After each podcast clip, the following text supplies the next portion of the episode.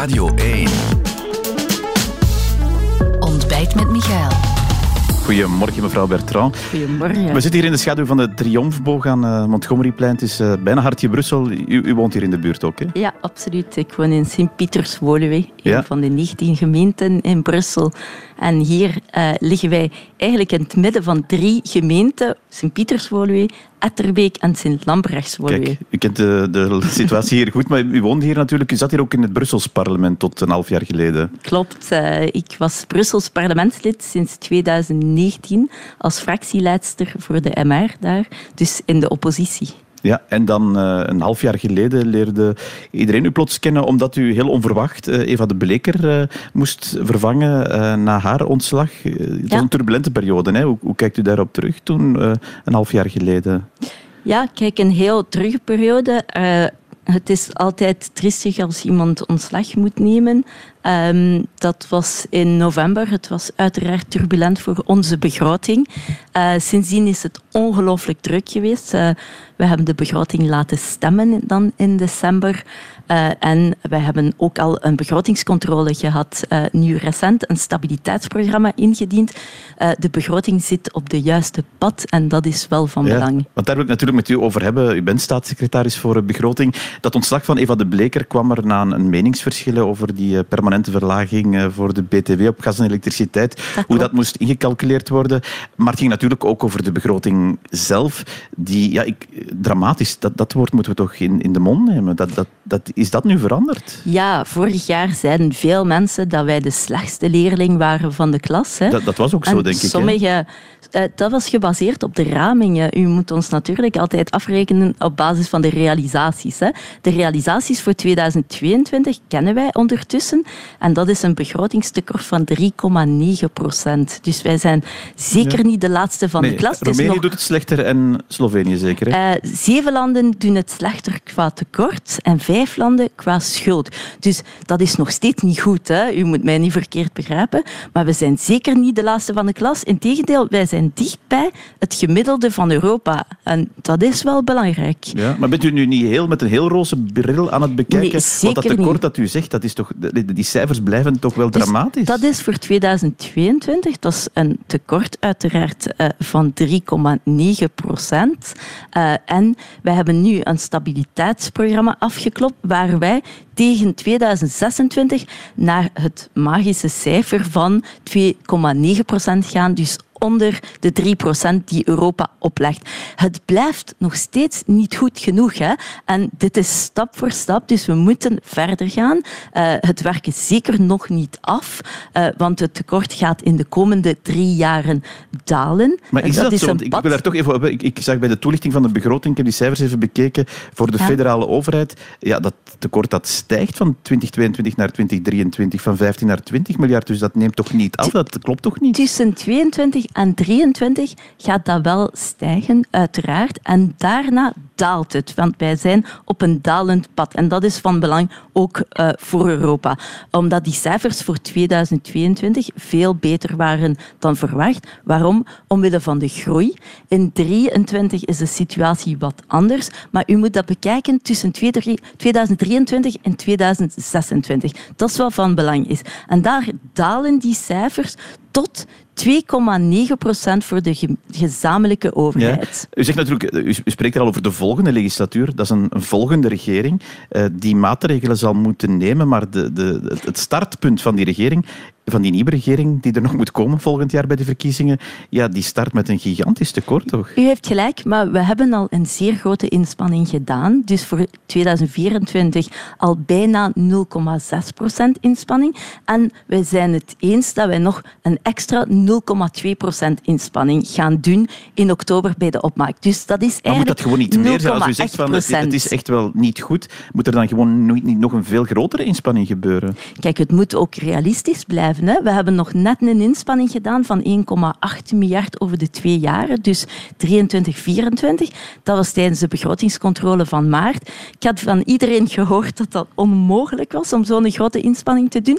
Uiteindelijk is dat wel gelukt. Ik denk dat wat van belang is, is dat wij op de juiste pad zijn. En dan moeten wij natuurlijk werk maken van de hervormingen. Want ja, Daar wil ik het zo meteen over hebben, mevrouw Bertrand. Want we hebben dat tekort waar we het nu over hebben. Deze week ging het ook over de schuld, die in ons land ook groot is, meer dan 100% van het BBP. Maar blijkt zelfs als je dat afzet ten opzichte van elke inwoner, dat, dat wij gewoon het allerslechtste van alle Europese landen uh, zijn. Wat was het? 50.000 euro heeft elke inwoner van ons land als schuld. Dat is wel een vreemde manier van onze schuld te berekenen, natuurlijk. Ja, maar het zegt uh, wel iets, natuurlijk. Hè? Uh, ja, u kunt alles laten zeggen aan de cijfers, hè, maar ik ga ook de schuld van een bedrijf niet berekenen op basis van het aantal werknemers of een schuld van een gezin berekenen op, op basis van het aantal kinderen. Dat is absurd. U moet dat vergelijken met ons BBP. en dan zijn we wel niet de laatste van de klas. Zoals ik het zei, dan zijn er vijf landen in Europa die ja, het slechter Dat zijn als Griekenland, Italië. kijk, ik wil me zeker niet vergelijken met de slechtste van de klas. Dat, dat kan niet de bedoeling zijn. We, we, moeten het veel beter doen. Maar hoe doet u dat?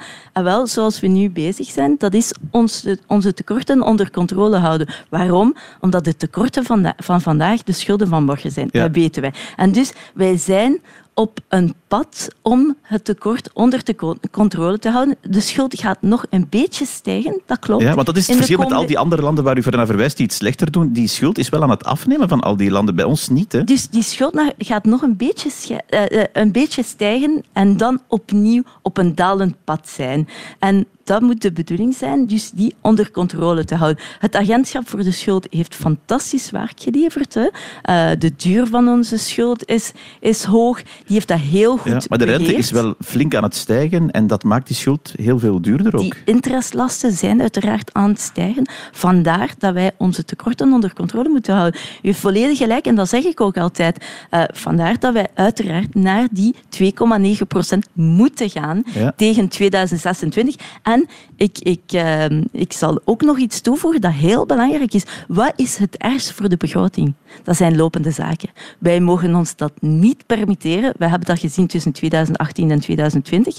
En dat zeggen ook alle ja. rating agencies. Maar de vraag is, bent u al niet in lopende zaken? Gaat u met deze coalitie, die toch... Want u, u, u hamert op dat tekort dat moet uh, naar beneden gaan, op die schuld die naar beneden gaan. Ja. Uh, veel succes, zou ik zeggen, in uw regering, die ideologisch zo verschillend is samengesteld. We, we hebben nog net bewezen dat wij een inspanning van 1,8 miljard konden doen. Dat was nog in maart. En dan nadien hebben wij nog beslist dat wij ons stabiliteitsprogramma gingen indienen met een extra inspanning van 0,2 procent. Dat is nog 1,2 miljard ongeveer. In oktober moeten wij nog doen. Dus u zegt eigenlijk met Vivaldi kunnen wij dit perfect aan? Wij kunnen dit blijven doen. Dat zijn, daar zijn we mee bezig en dat doen we. En wij hebben ons stabiliteitsprogramma aan Europa ingediend met die 2,9 tegen 2026 en met die extra inspanning nog voor 24. Dus we zijn nog volop bezig en we pakken het aan. We, blijven, we zitten niet stil, want dat zou het erg zijn om ja, stil te zitten. Het is natuurlijk zo dat er de komende maanden ook nog heel wat hervormingen zouden moeten doorgevoerd worden. Die pensioenhervorming die weegt op heel veel dingen. Fiscale hervorming ook. Hoe, hoe kijkt u daar eigenlijk naar? Dat is, dat is heel belangrijk, die fiscale hervorming. Waarom? Omdat werken moet lonen.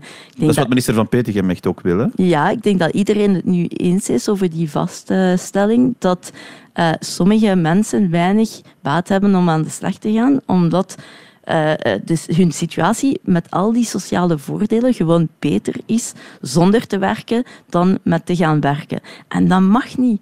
Dat kan niet. Dat moeten wij echt aanpakken. Dus werken moet lonen. De mensen en dat die moet die fiscale hervorming doen? Ja, absoluut. Dus uh, de belastingdruk op de middenlage lonen echt doen dalen. Dat ja. is heel belangrijk. Dus meer netto ik denk dat iedereen het daarover eens is in de regering. De vraag is natuurlijk, en dat is uw bevoegdheid, hoe gaat dat gefinancierd worden? Ja, dat is een heel goede vraag. Dat moet natuurlijk uh, uh, neutraal zijn in die zin dat het de, onze begroting niet verder kan belasten, want anders gaan we niet geraken aan dat cijfer van 2,9. Dat klopt. Uh, hoe gaat dat gefinancierd worden? Momenteel eh, is het voorstel op tafel een tax shift, geen tax cut. Ja, als liberaal ben ik natuurlijk fan van een tax kut, maar dat is niet mogelijk met de huidige begrotingssituatie. Dus dat wordt gefinancierd door een aantal zaken te shiften, bijvoorbeeld op consumptie, uh, eh, BTW van 6 naar 9 procent.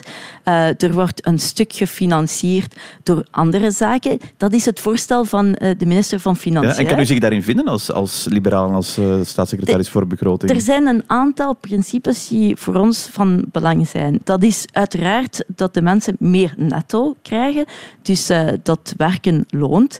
Uh, we mogen de competitiviteit van de bedrijven niet verder aantasten. Dat kan niet de bedoeling zijn, want dat, dat zou ook een impact hebben op onze tewerkstelling. Uh, het kan ook niet de bedoeling zijn dat wij met de ene hand terugnemen wat we net gegeven hebben. Dus dat, dat, moet wel zo zijn dat werken voor iedereen meer loont.